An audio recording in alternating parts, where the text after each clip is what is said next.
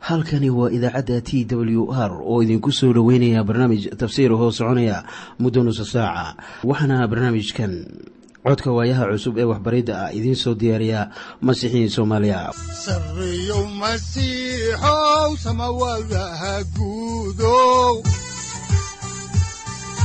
Siraadkii adduunkow subanaha eebow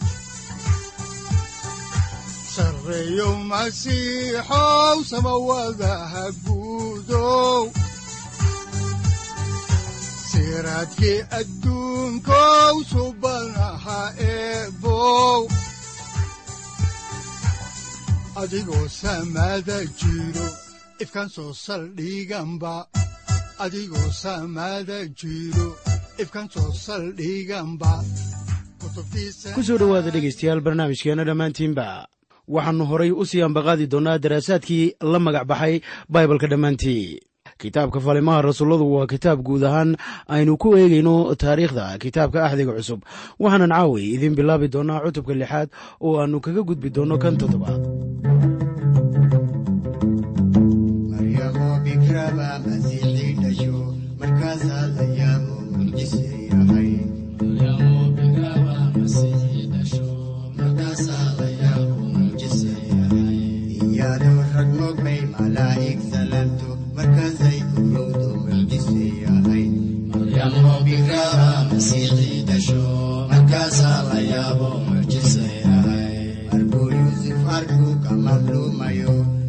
waxay cadeeyeen is leeyahay maryaamo bikraba masiixii dhasho halkaasaa layaabo muujisay ahay digdii masiixa aqaawiil arkeeno markaasay cadeeyeen is leeyahay digdii masiixa aqaawiil arkeeno markaasay cadeeyeen is leeyahay maryaamo bikraba masiixii dhasho markaasaa layaabo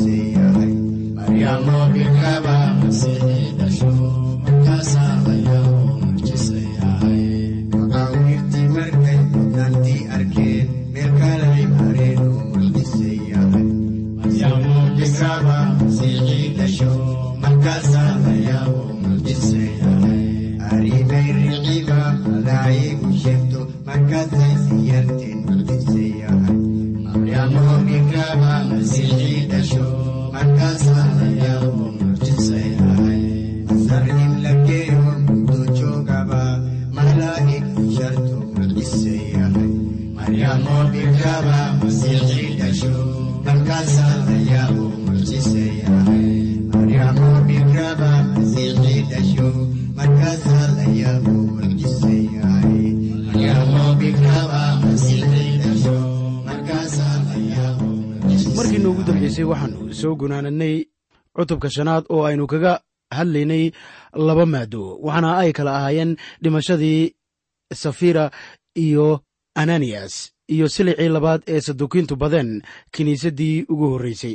Caawayna waxaynu soo gaarnay cutubka lixaad oo mawduuciisu ka kooban yahay doorashada adeegayaasha kiniisadda iyo markhaati furkii stefanos oo ka mid ahaa adeegayaashii la doortay cutubkan ayaannu ku arkaynaa natiijada baadinimadu soo gashay kiniisadda.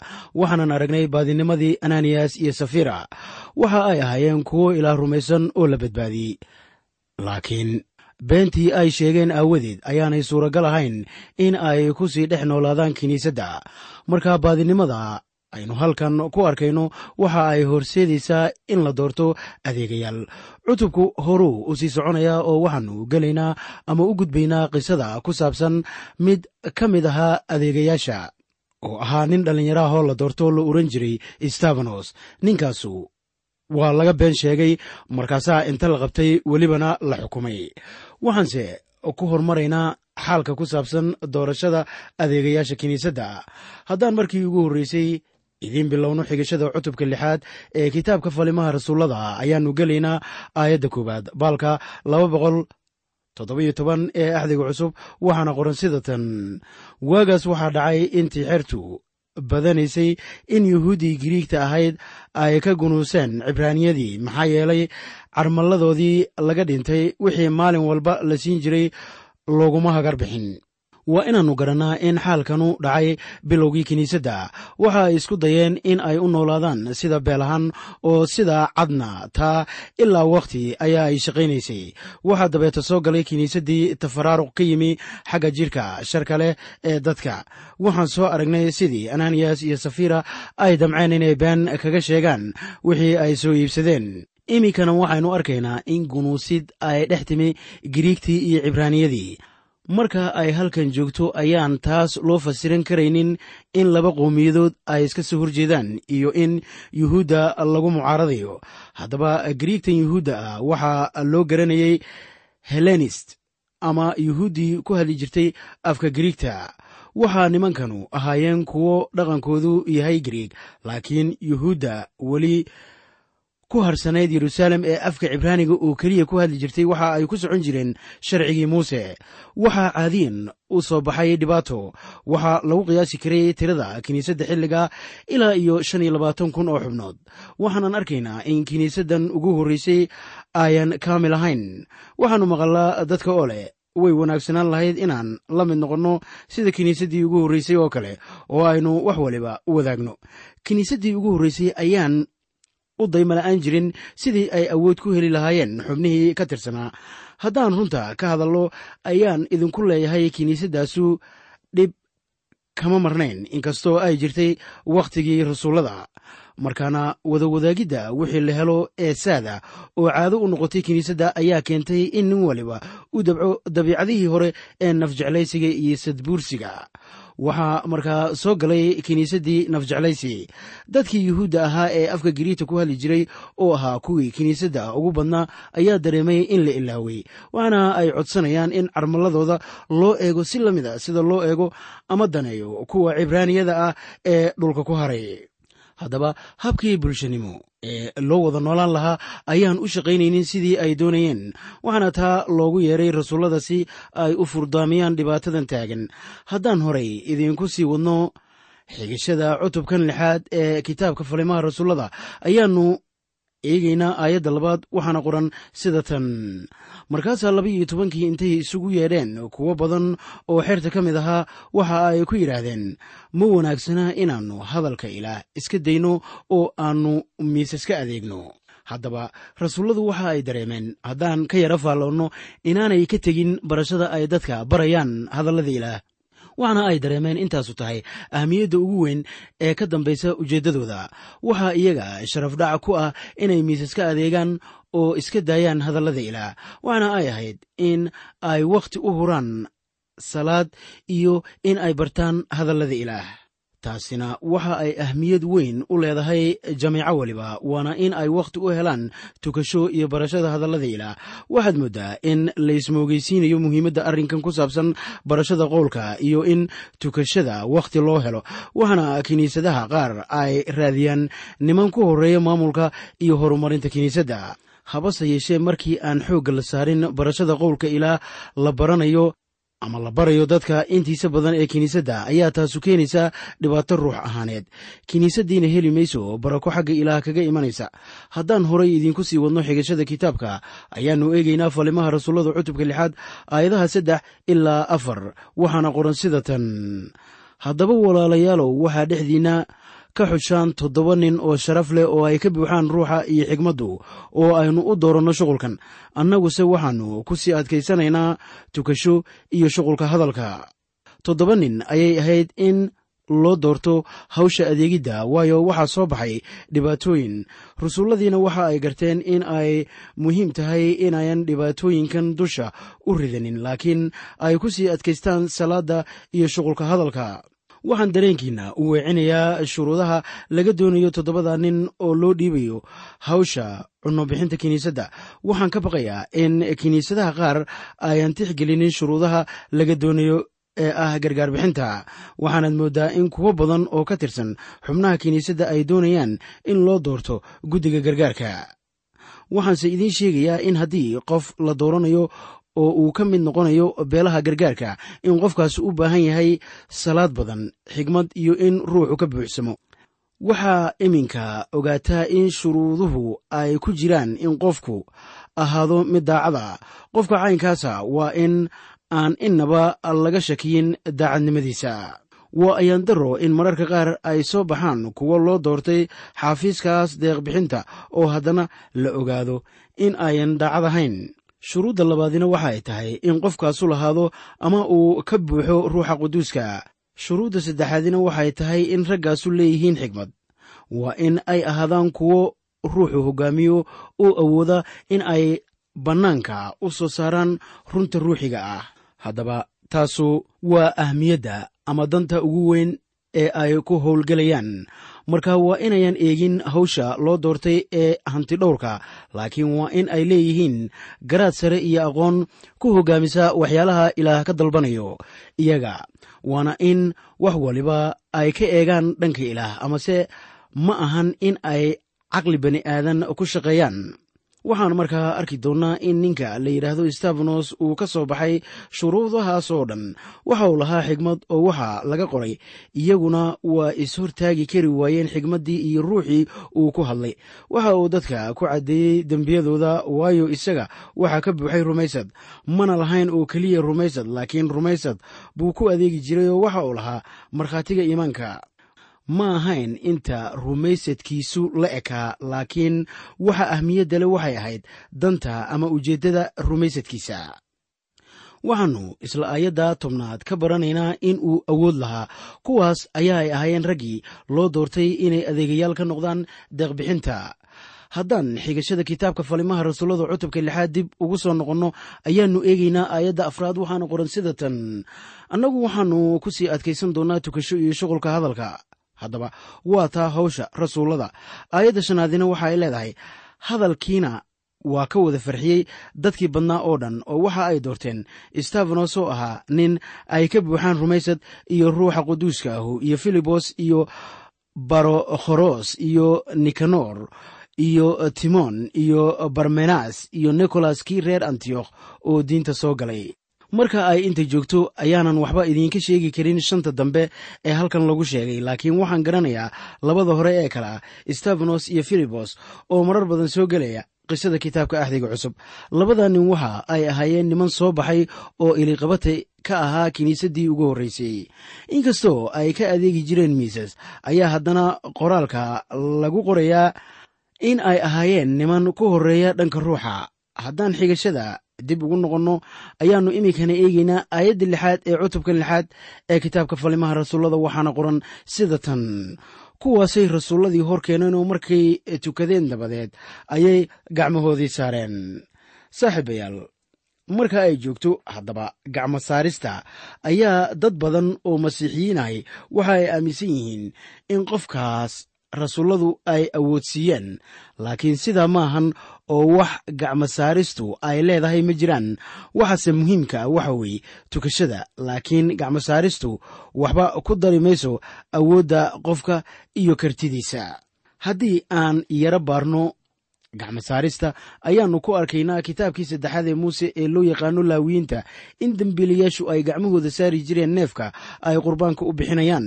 Waxaana taasu ay ka macno tahay ama tilmaamaysaa in dembiiluhu ku wareejinayo dembigiisii dhimashada istaahilay neefkaas aan eedda lahayn oo beddelkiisa gelaya.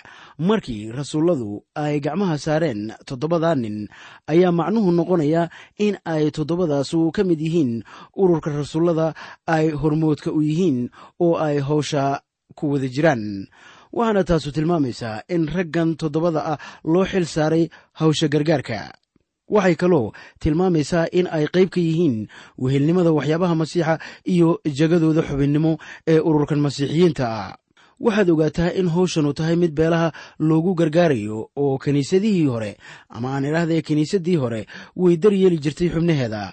Waxaan markaa filayaa in xitaa taa layska doonayo maanta kiniisaddii hore waxa ay lahayd barnaamijka ciribtirka saboolnimada waxaana ka faa'iidaysan jiray oo keliya xubnaha kiniisadda kiniisaddu maanta xitaa waa in ay sidaa oo kale u daryeesho xubnaheeda. Haddaan horey idiinku sii wadno xigashada kitaabka ayaannu eegaynaa falimaha rasuullada cutubka lixaad aayadda toddobaad waxaana qoran sida tan. Markaasaa hadalkii ilaah faafay tiradii xertiina yeruusaalem aad ugu badatay oo tiro badan oo wadaadda ahayna iimaanka yeeleen waxaan idinku leeyahay weli waa loo baahan yahay maanta in hadallada ilaah kor loo qaado. Taasina waa danta kiniisad waliba. Waxaan jeclaan lahaa in hadallada ilaah si baasan dadka oo dhan loogu wacdiyo si kuwa aan maqal ay fursad u helaan ay ku maqlaan. Qaar badan oo kuwa iminka iimaanka yeelay ana waxaa laga yaabaa in daahiyadii macbudka ay laba inood u kala dillaaceen iyagoo halkaa ka adeegaya. Wakhtigii masiixu uu ku dul dhimanayay isku tallaabta. Kuwo badan ayaa masiixa u soo lexday markii ay la kulmeen khibradahaas. Haatanna aynu eegno markhaatigii stabanos oo ka mid ahaa adeegayaashii la doortay. Haddaan iminka u soo weecanno kitaabka falimaha rasuullada cutubka lixaad ayaannu eegaynaa aayadda siddeedaad waxaana qoran. Sida tan markaasaa stabanos oo ay nimco iyo xoog ka buuxaan ayaa dadka dhexdiisa ku sameeyey yaabab iyo calaamooyin waaweyn. Sida abbaarta ah adeegayaashan oo uu stabanos ka mid ahaa ayaa waxa ay rasuullada la wadaagayeen hadiyadda calaamooyinka. Waxaa iyaguba loo doortay jago khaasa iyadoo ay ugu wacan tahay in stabanos uu ahaa nin xoog ku injiilka ayaa uu soo kicinayaa nacaybkiisa dukinta markhaati beena ayaa lagu oogayaa iminka oo lagu hor keenay golaha yuhuudda si loo xukumo isaga. Haddaan qisadaas ka eegno kitaabka falimaha rasuullada ayaannu iminka eegaynaa cutubka lixaad. Aayadaha sagaal ilaa shan iyo toban waxaana qoran sida tan. Laakiin waxaa kacay oo stabanos la murmay kuwii sunagoga la oran jiray sunagoga labartinta iyo kan reer kuranaya iyo reer iskandariya iyo kuwii kilikiya iyo aasiya iyaguna waa is-hortaagi kari waayeen xigmaddii iyo ruuxii uu ku hadlay. Markaasay niman laaluusheenoo nimankii baa waxay yidhaahdeen waxaannu maqalnay isaga oo muuse iyo ilaahba caayaya. Markaasay kiciyeen dadkii iyo waayeelladii iyo culimmadii oo intay isagii ku soo kadiyeen oo qabteen ayaa ay shirkii geeyeen. Markaasay waxa ay soo taageen markhaatiyaal beena oo leh ninkanu iskuma daayo ama iskama daayo in uu meesha quduuska ah iyo sharciga ereyo xunxun ka sheego waayo waxaannu maqalnay isagoo leh ciisahan reer naasareed. Meeshan buu dumin doonaa wuxuuna beddeli doonaa calaamooyinkii muuse inooga tegey. Oo kuwii shirka wada fadhiyey oo dhan iyagoo aad u fiirinaya waxay arkeen wejigiisii oo ah sidii weji malaa'igeedoo kale. Stefanos waxaa la hor keenay maxkamaddii ciise la hor keenay ee toddobaatanka waayeel iyada oo dacwad beena lagu qaadayo. Habase yeeshee dacwad waliba oo beena xig yar oo run ah ayaa lagu lamaanayaa dabcan markii ay ciise dacweynayeen waxa ay yidhaahdeen ninkani waxa uu yidhi macbudka ayaan saddex maalmood ku baabi'inayaa oo haddana waan taagayaa laakiin markii uu sidaa lahaa waxa uu ka waday ama uga gol lahaa jirkiisa markiise dacwadda lagu qaadayey ayaa kuwii eedaynayey ay ka marin habaabeen wixii uu sidaa u yidhi markaasay been abuurteen oo sheegeen sidii iyaga ay u doonayeen ama ay ula muuqatay. Markaana waxa ay garan waayeen stafanos marka uu yidhi macbudka yeruusaalem waa la cidlayn doonaa.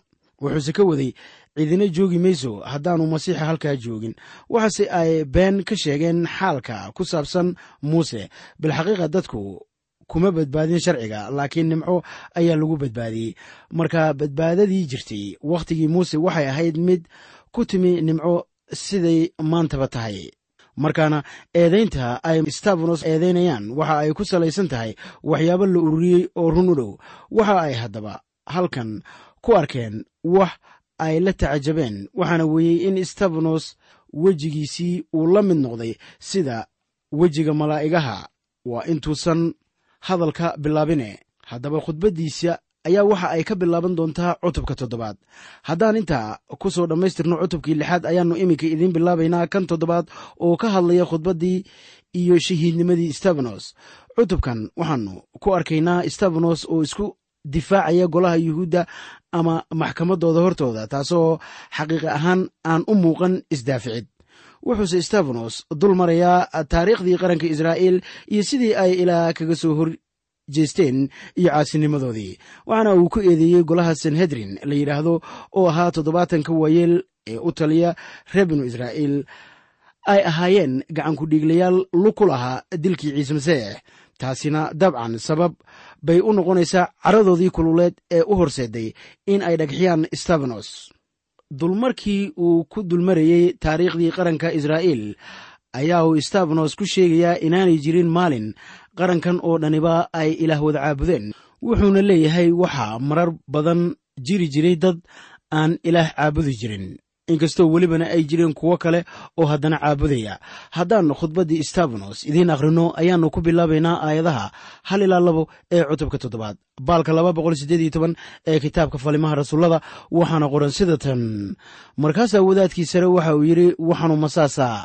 Markaasuu ku yidhi walaalo iyo aabbayaalow dhegaysta ilaaha ammaantu waxa uu u muuqday awowaheen ibraahim markii uu musobitaamiyo joogay intuusan haaraan degin. Haddaba isaga waa la soo eedeeyey waxaana la weydiiyey inuu eedan lagu soo ogay wax ka yidhaahdo markii uu taa ka jawaabayey ayaan la arkaynin isaga oo sheegaya wax ku saabsan jawaab celinta wixii laga dhowrayey inay run yihiin iyo in kale.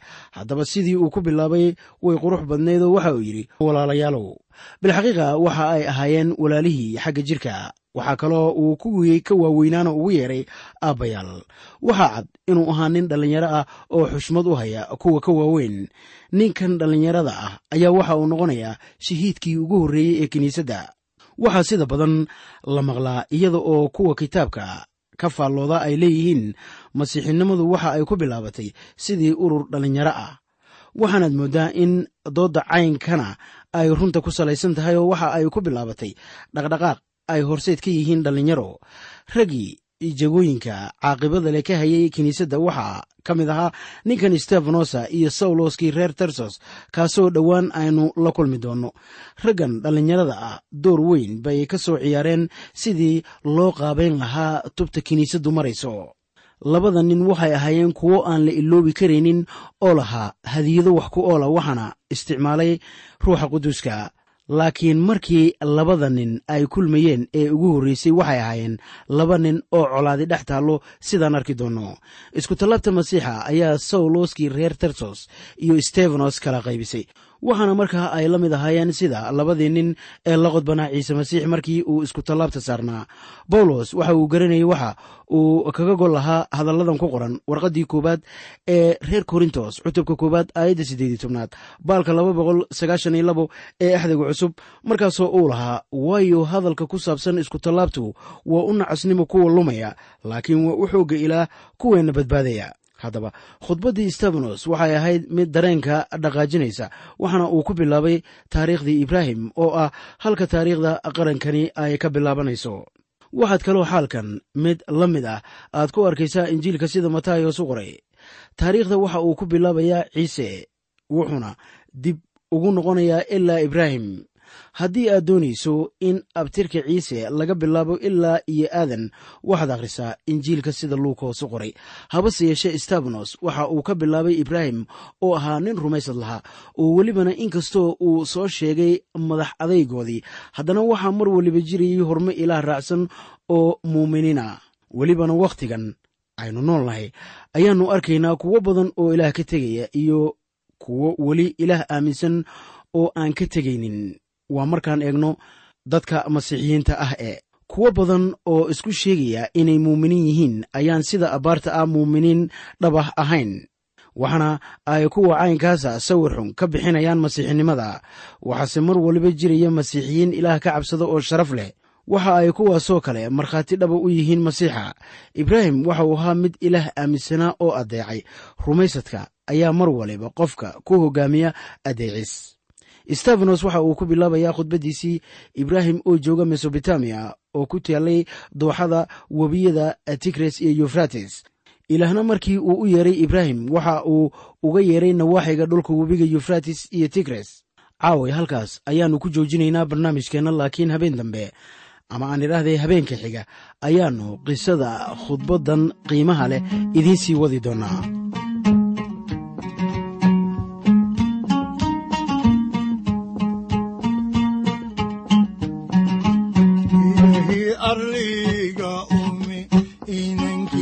ku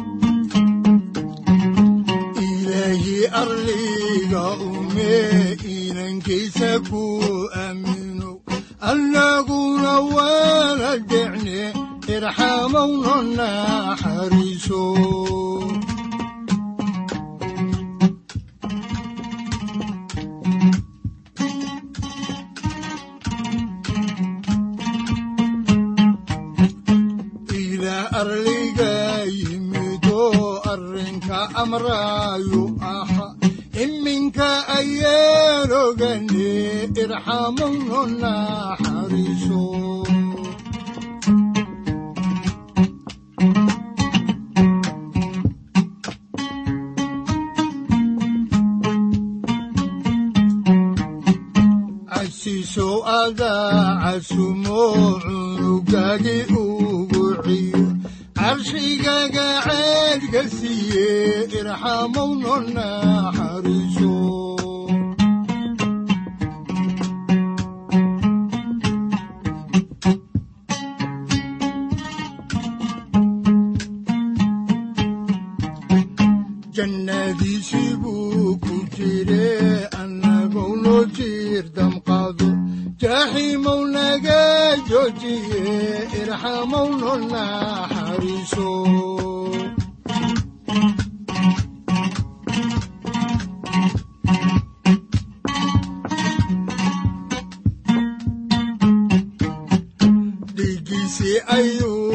daadsho dembigayna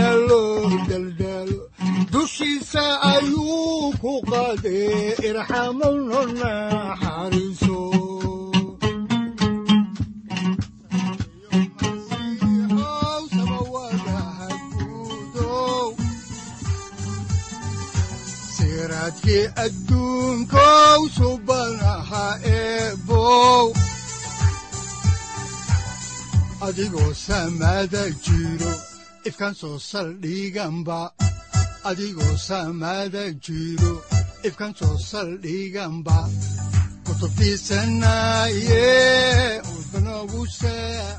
halkani waa t w r idaacadda t w r oo idinku leh ilaa ha idin barakeeyo oo ha idinku anfaco wixii aad caawi ka maqasheen barnaamijka. Waxaa barnaamijkan oo kalea aad ka maqli doontaan habeen dambe hadahan oo kale haddiise aad doonaysaan in aad fikirkiina ka dhiibataan wixii aad caawi maqasheen ayaad nagala soo xiriiri kartaan som t w r at t w r c o k e haddii aad doonaysaan in aad dejiisataan oo kaydsataan barnaamijka ama aad mar kale dhegaysataan fadlan mar kale booqo www t w r o r g amase www t t b t w r o r g. Amase waxaad teleefoonkaaga ku kaydsataa ama ku download garaysataa agabyada ku sahli karaa dhegeysiga t w r haddii aad doonayso in laga kaalmeeyo dhinacyada fahamka kitaabka amase aad u baahan tahay duco fadlan fariimahaaga soo mari bogga aaraahda ama kommentska inana jawaab degdeg ah ayaanu ku soo diri doonaa amase ku siin doonaaye.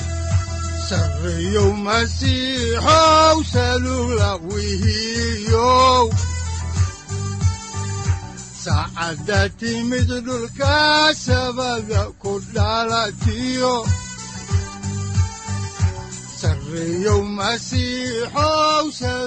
halkani waa t w r oo idiin rajaynaya habeen baraare iyo barwaaqaba leh inta aynu ka gaari doono wakhti aynu ku kulanno barnaamij la mida kan caawayay aad maqasheen waxa aan idinku leeyahay nabadda ciise masiix ha idinku badato xagga jirka iyo ruuxaba aamiin